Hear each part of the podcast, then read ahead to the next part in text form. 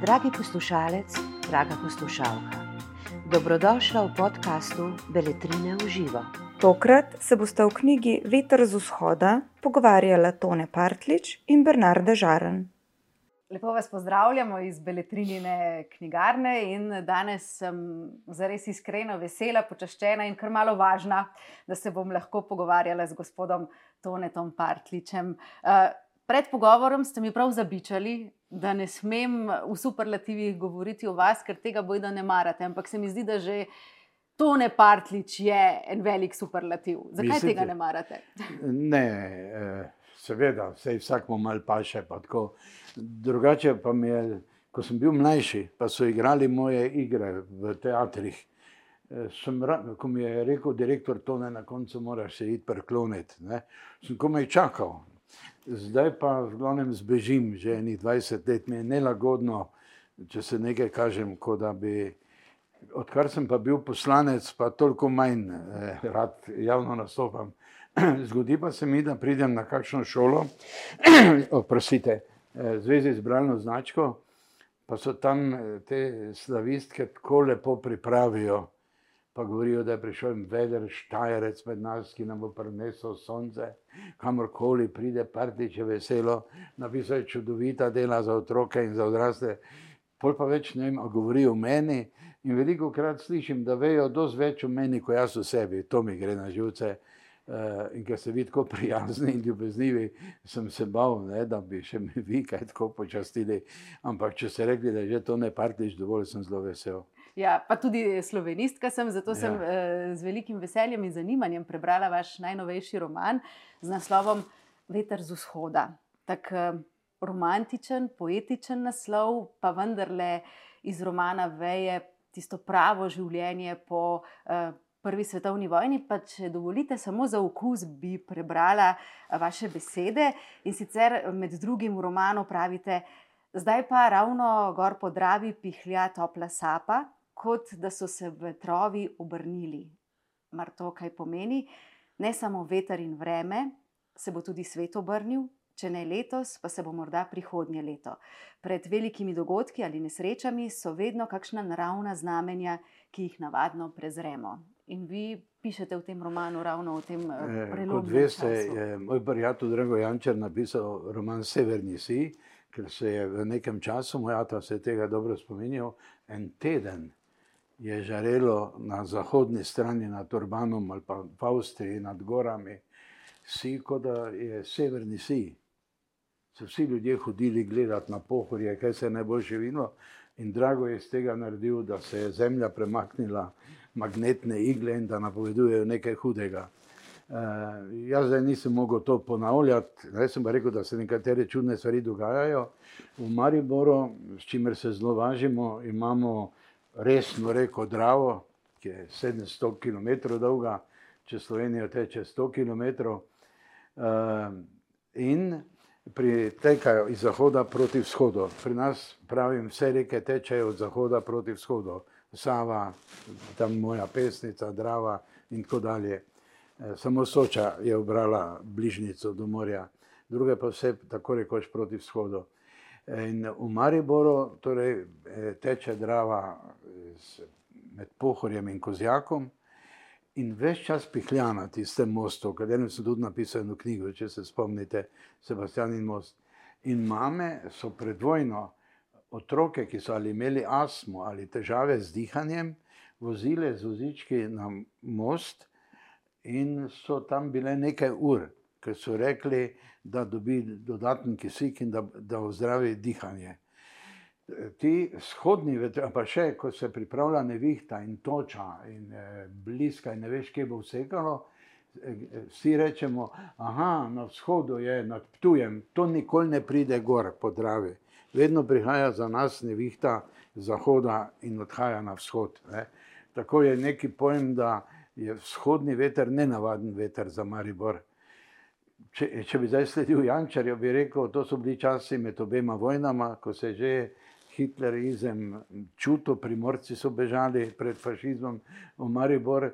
In eh, bi rekel, ne, jaz pa neko drugo znamenje vidim, Eh, čeprav nič nisem jahal na tem in ne bi mogel reči, da mi je bila neka pobuda oktobrska revolucija v Rusiji, ampak v Mariboru, da ste natančno prebrali, so recimo dijakom, ki so v šoli rekli, ne bomo pisali danes tretje šolske naloge, je preveč. Danes je to itak vse drugače, ne morejo tri dnevi, so pa po tri pisali na en dan. Pa so jim profesori kar rekli, preklet komunist, ne boš se buno. Torej, vsi so bili za njih neki nevarnost komunizma in mogoče je v tem vetru, ki ne navadno tu in tam se, jaz sem se ga mogoče dvakrat v življenju spomnim, da je toplo pihalo ob Dravi na zgor, drugač pa vedno piha v naslednjo smer. In evo sem z tega hotel tako en literarni klicaj narediti. Ja, in uh, v knjigi tudi zapišete, kakor da bi se nabirala para v loncu pod težko pokrovko.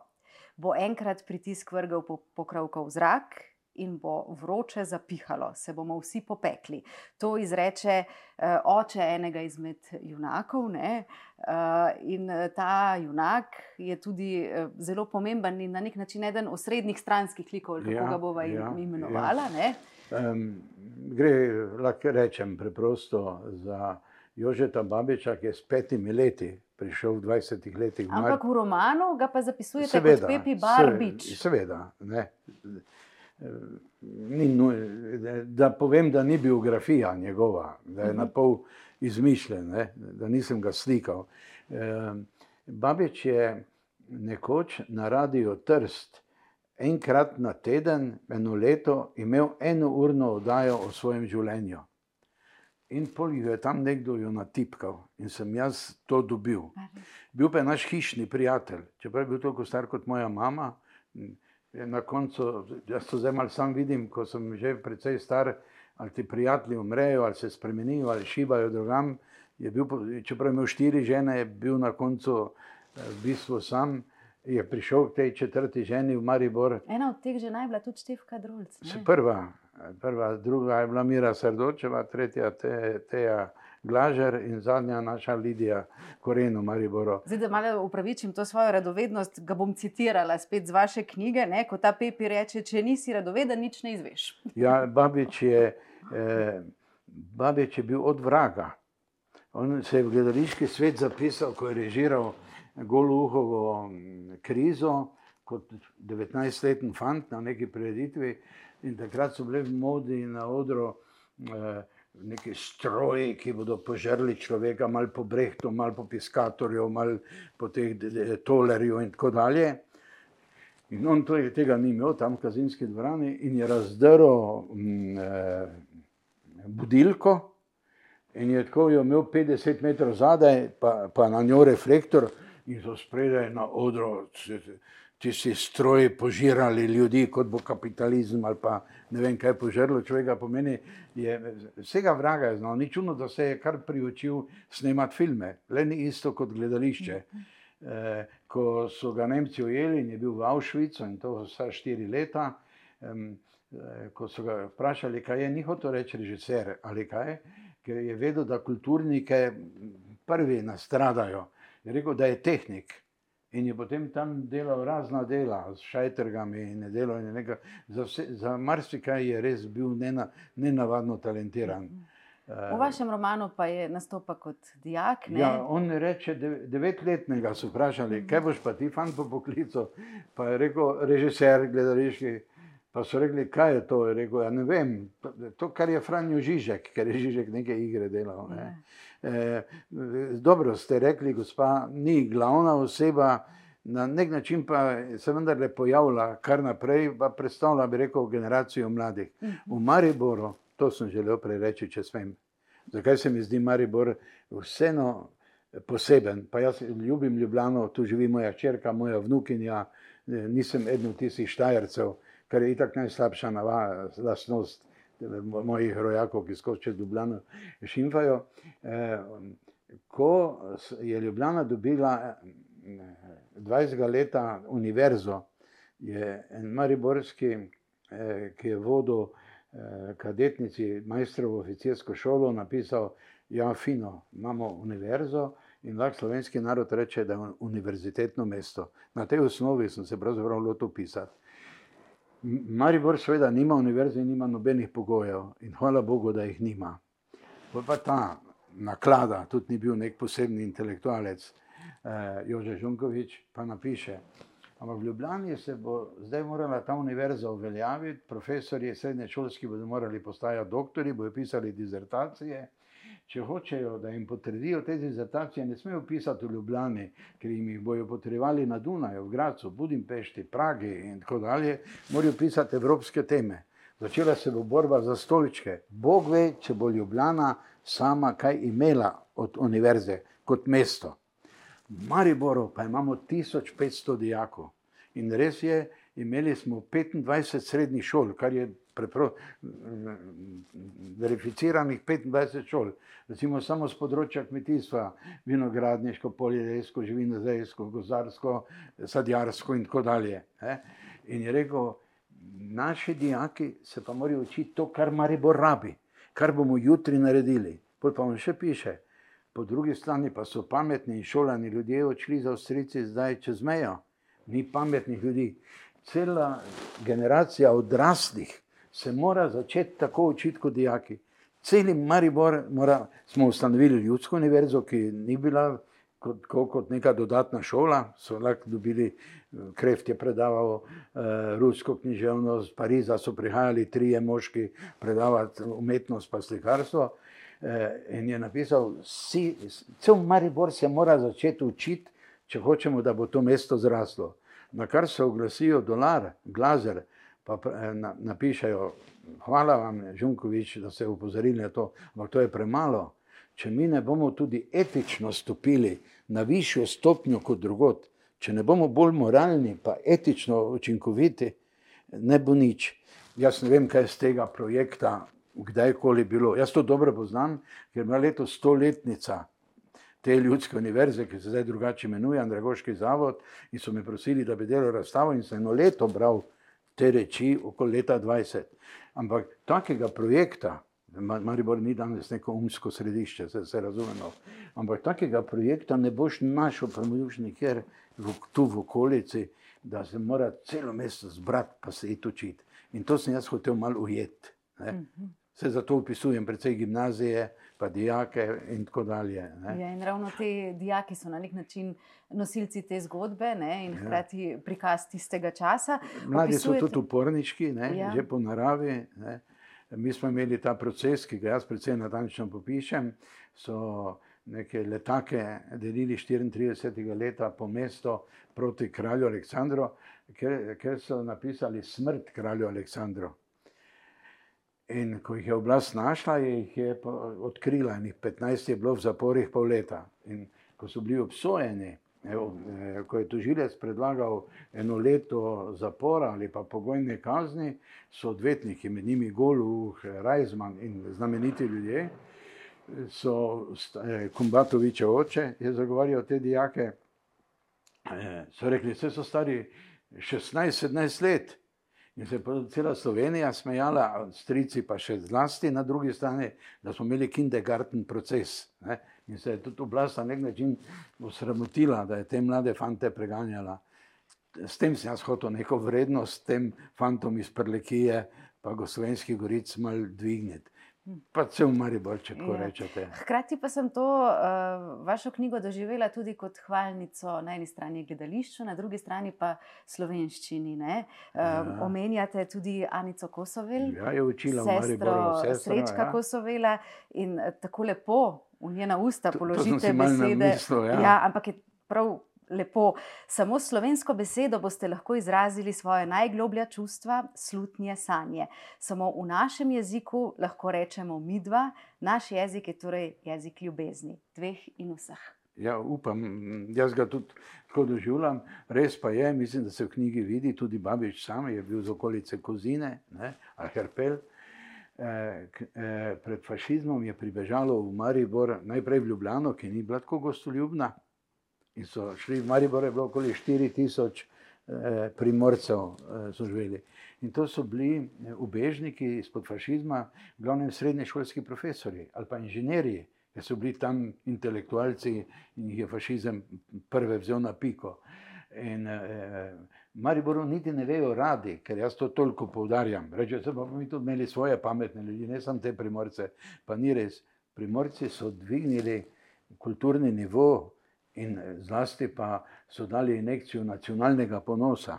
Sem se pogovarjal z, mogoče je to celo kaj napisano, da sem pri njemu ukradel z eh, gospodom Antonom Trstenjakom, ki mi je rekel enkrat, pa, ko sem ga spoznal, eh, mi je tudi tako rekel, moraš tikati, če so štajerca, on je bil akademik, pa je, je rekel, pa viš pa, kaj je z nami tu gor na Štajerskem, mi še danes te Nemce ali pa Avstrijsko, ki pridejo sem jaz pa kupovati na veliko, gledamo tako malo od spode na vzgor, kot da, da se ve, da so na bližnji koči. Rekel, poglej primorce, kaj se jim je hudega zgodilo. Ti vedno gledajo na italijane od zgoraj na vzdolj, si svoje misli o italijanih.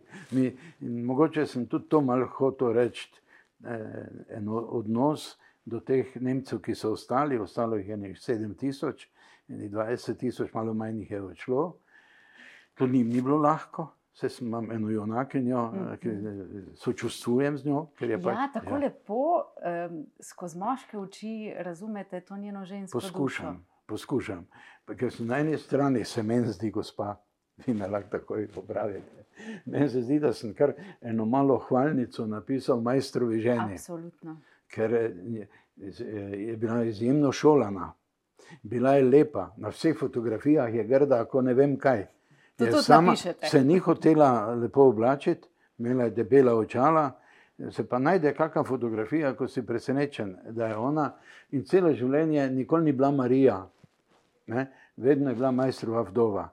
Nikoli, ne, mene pa zanima, kaj zdaj majstrova vdova čuti. Kaj majstrova vdova čuti od smrti generala na Uncu, pa štiri dni do pogreba, ko mora iti peš.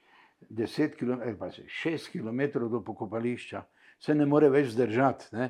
In mene je zanimala ona pač kot človek. Ne? In enako sem si mislil, da Nemci so postili tu zlasti ženske, so rekli, bodi v tej hiši, da je ne bodo te barabe jugoslanske nacionalizirale, ni važno, kako živiš, mi se bomo itak vrnili. Ne? Ker Hitler je na nek način, jaz nisem tako Eh, se ne zgražam nad tistim njegovim stavkom, naredite mi to državo spet nemško. Vse smo 700 let imeli nemške gospodarje, oni so tako mislili. Ne? In pol se mi je zdelo, da, da pa bi lahko počustoval za neko ravnotežje eh, tudi z ne, ne, Nemko, ki je mhm. sama in je v stiski. Zdaj sem napisal eno drugo knjigo, ki se mi je mogoče bolj posrečila ali pa, se, ali pa je bolj priljubljena, strnišča. Eh, kjer popisujem otroke med vojno ne? in kaj so delali gestapovci z njim. Ampak imam novelo, eh, kaj dela ozna z nekaterimi ljudmi, ki, so, ki se jih je potem v strnišču eh, prevzgajala. Pa zadnja novela se godi v Sarajevo, kaj delo in eh, para, para vojak, divji, eh, srpski, z, ne, z nekim človekom tam.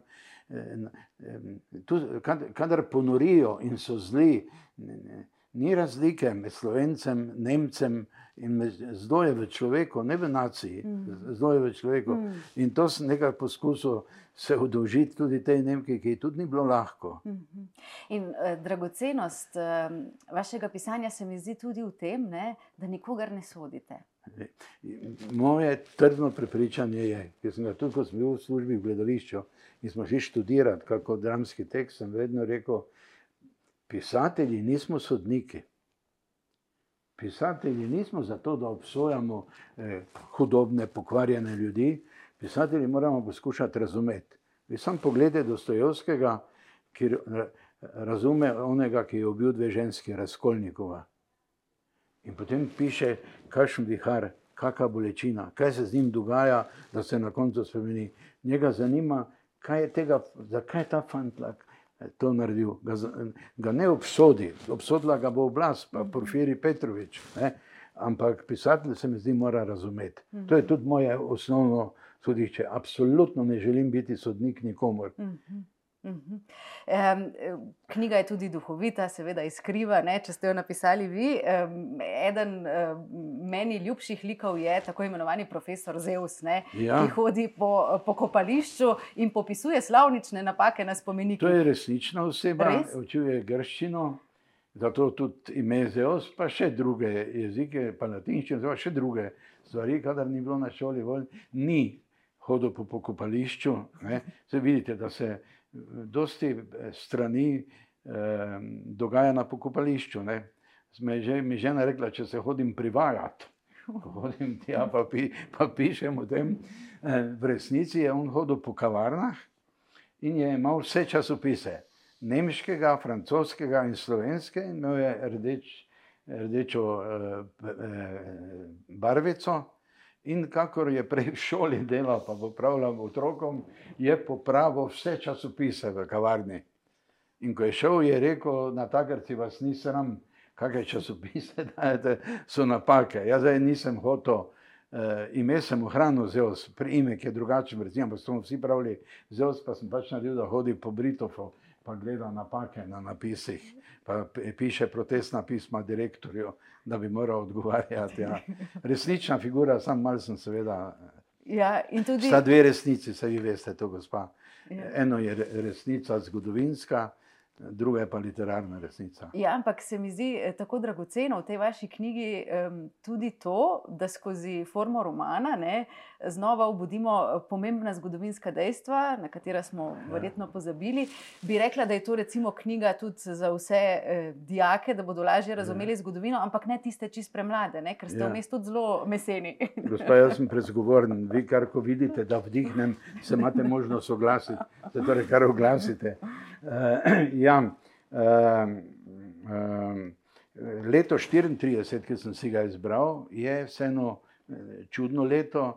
Uh, 25. julija je umrl majster, kar je za Maribor pomenilo, kot da bi umrl mali bog. Pa še danes vidite, je mit majstra, komunisti so vmes imeli ne pomisleke, ker pač je bil v partiji, se se šalim. Majster še danes Eh, se vsi malo z njim napihujemo. Potem dan kasneje je bil tisti puč v Avstriji, ko so ubili kanclerja Adolfosa. Eh, Nemci, ki so prišli, se infiltrirali, ampak tudi med Avstrijci so bili že nacisti, ki so bili, je bil dan kasneje, je bil ubit Adolfos in 10. oktobra kralj Aleksandr. Ne, pomeni tri velike smrti za, za nas.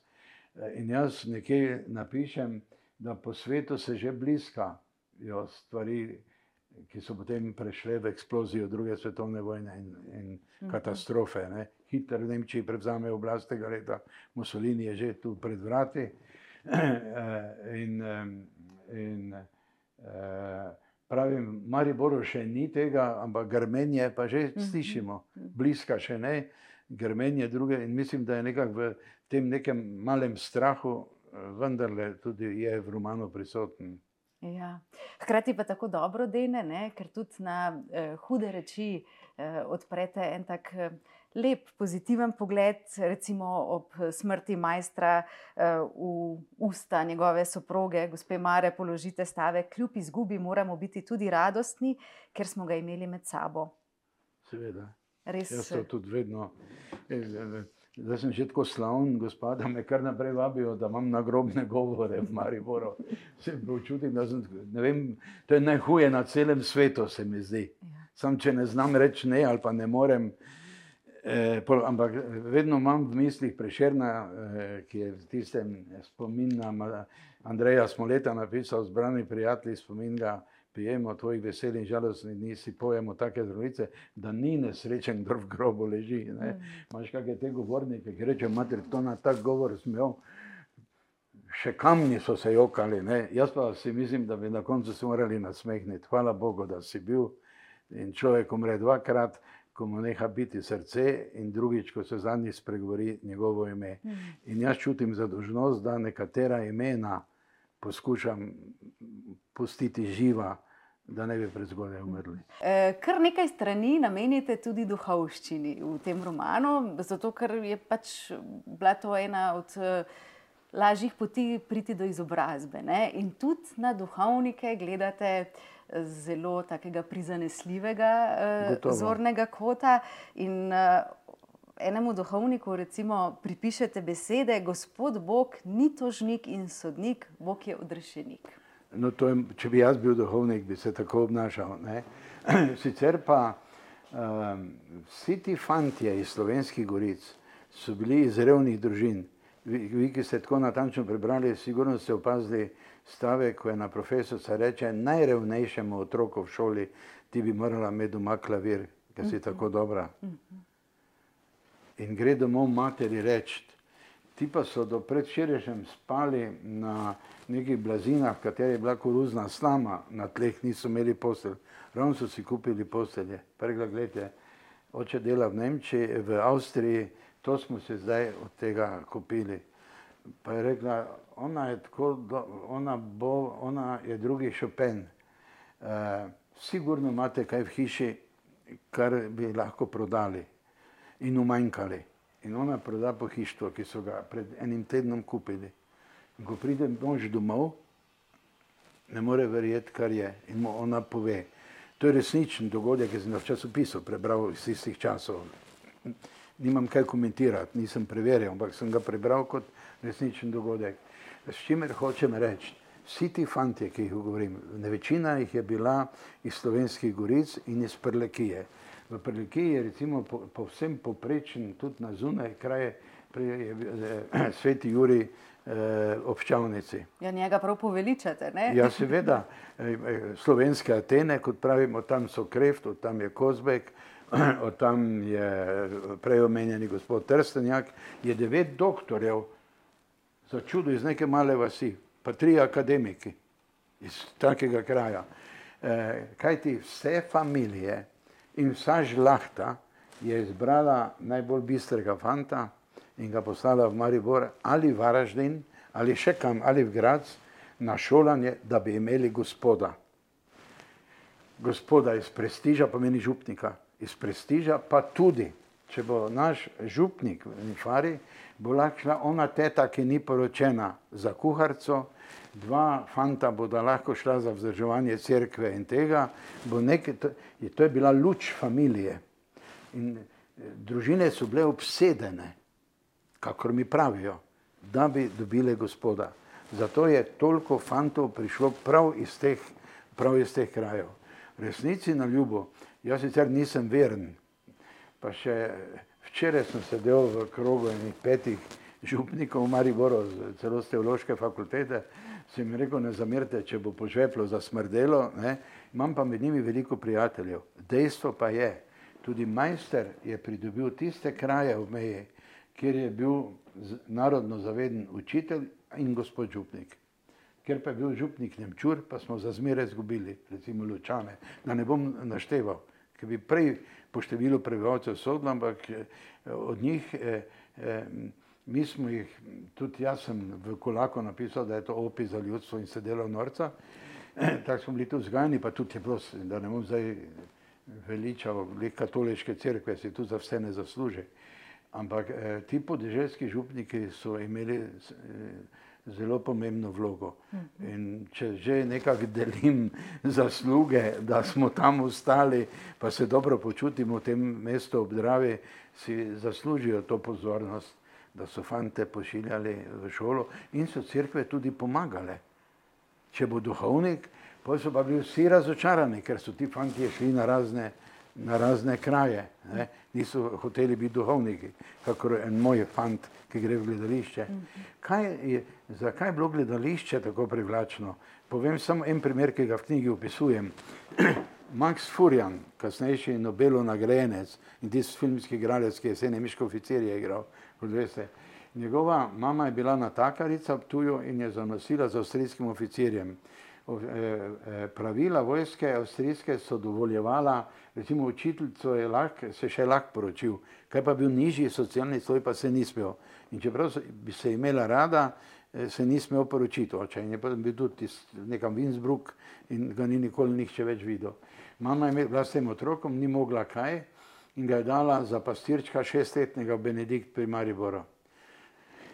Tisti kmet je pa tudi nekaj hoblal, pa nekaj štokrle delal eh, in se je tam nekaj malega naučil žagati. In je šel v Maribor službe in je dobil službo v železniških delavnicah, ker je torej srečal lahko tudi babičevega očeta, ki je bil tam v službi. In je tam si kupil prvo obleko, pa je čuda je gledališče, kaj je to. In je hodil en fant, ki ni nič, nikoli nič, moče kako amatersko predstavo, kako igro videl, Črni križ pri Hrastovcu ali kaj. Je začel hoditi pred gledališče, pa je gledal tista razsvetljena vrata, kako so ljudje prihajali ven, pa se smejali, če je bila komedija, ali pa peli, splava in misel. Uh, in si mislil, to mora biti en svet. In je hodil, ko je zaslužil prvi denar, je začel hoditi na stojišče. In potem je postal igralec. Kaj jih je tako vleklo kot vešče okoli luči? Babiča, Krefta, eh, Rakošo, Furjana, Števko eh, in tako naprej, Žižka, eh, te ljubitelje, mi je pa tudi neke vrste oganka. Od teh fantov je šlo veliko gledališče in jaz sem neko priznanje tudi njim dal. Ja, tudi mene je tako vleklo, kaj pa vem zakaj. Ja. In tudi zaključite knjigo z besedami, ne? če ne morem kreirati pravega sveta, pa bom tistega izmišljenega na odru, je po svoje tudi lahko resničen, se mi zdi. Ne? To so besede, gospa, če, ki jih zapiše... gospa, če smem jaz skleniti svoj del eh, besedičanja. Eh, eh, v gledališču radi rečemo, radi rečemo, da je ta izmišljeni svet bolj resničen kot resnično sama. Poglejte, sedimo v dvorani, so luči, klepetamo, govorimo, gledaj, kak je pa danes Bernarda zrihtana, pa to se je dala, pa kaj. E, pa oni spet sedi z njo, pa kaj ima tega fanta, to se vse klepeta, jejo bomboni, pol pa gre počasi luč dol, se vse umiri in utihne in čez en čas se odpre zavesa po celem svetu, se osvetli en svet, ki ga ni, pa se mata rada Romeo in Julija,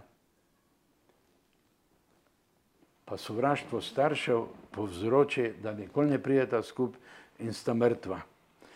Mi smo imeli Sarajevskega Roma in Julijo, če se spomnite, fanta, muslimanko pa Srba, ki sta hotela, pa so jo ubili. Torej, to sporočilo, da sovraštvo eh, odraslih lahko ubija mladost ali pa ljubezen ljudi, je večno. Zato se nam zdi, da je to zares res bolj kot Šekspirova tragedija, ki je bila tako povzeta, podobno, ker se je takrat tako delalo. E, glede, jaz sem bil 20 let v gledališču in sem ga vsak večer na novo tako doživljal, kot da je to bolj res kot to, kar so. Kot, tu sem videl poanto, kaj moram svetu razumeti. In nekako se s tem, hotel, s tem stavkom gospa prikloniti ja. svojemu bivšemu poklicu. In tudi ta vaša knjiga je tako zelo zares. Najlepša hvala, da sem se lahko pogovarjala z vami. Bom rekla z vašimi Aha. besedami, da mi je kar malš pek zrasto. Lepo, pa ni videti, hvala Bogu. Najlepša hvala za vašo pozornost.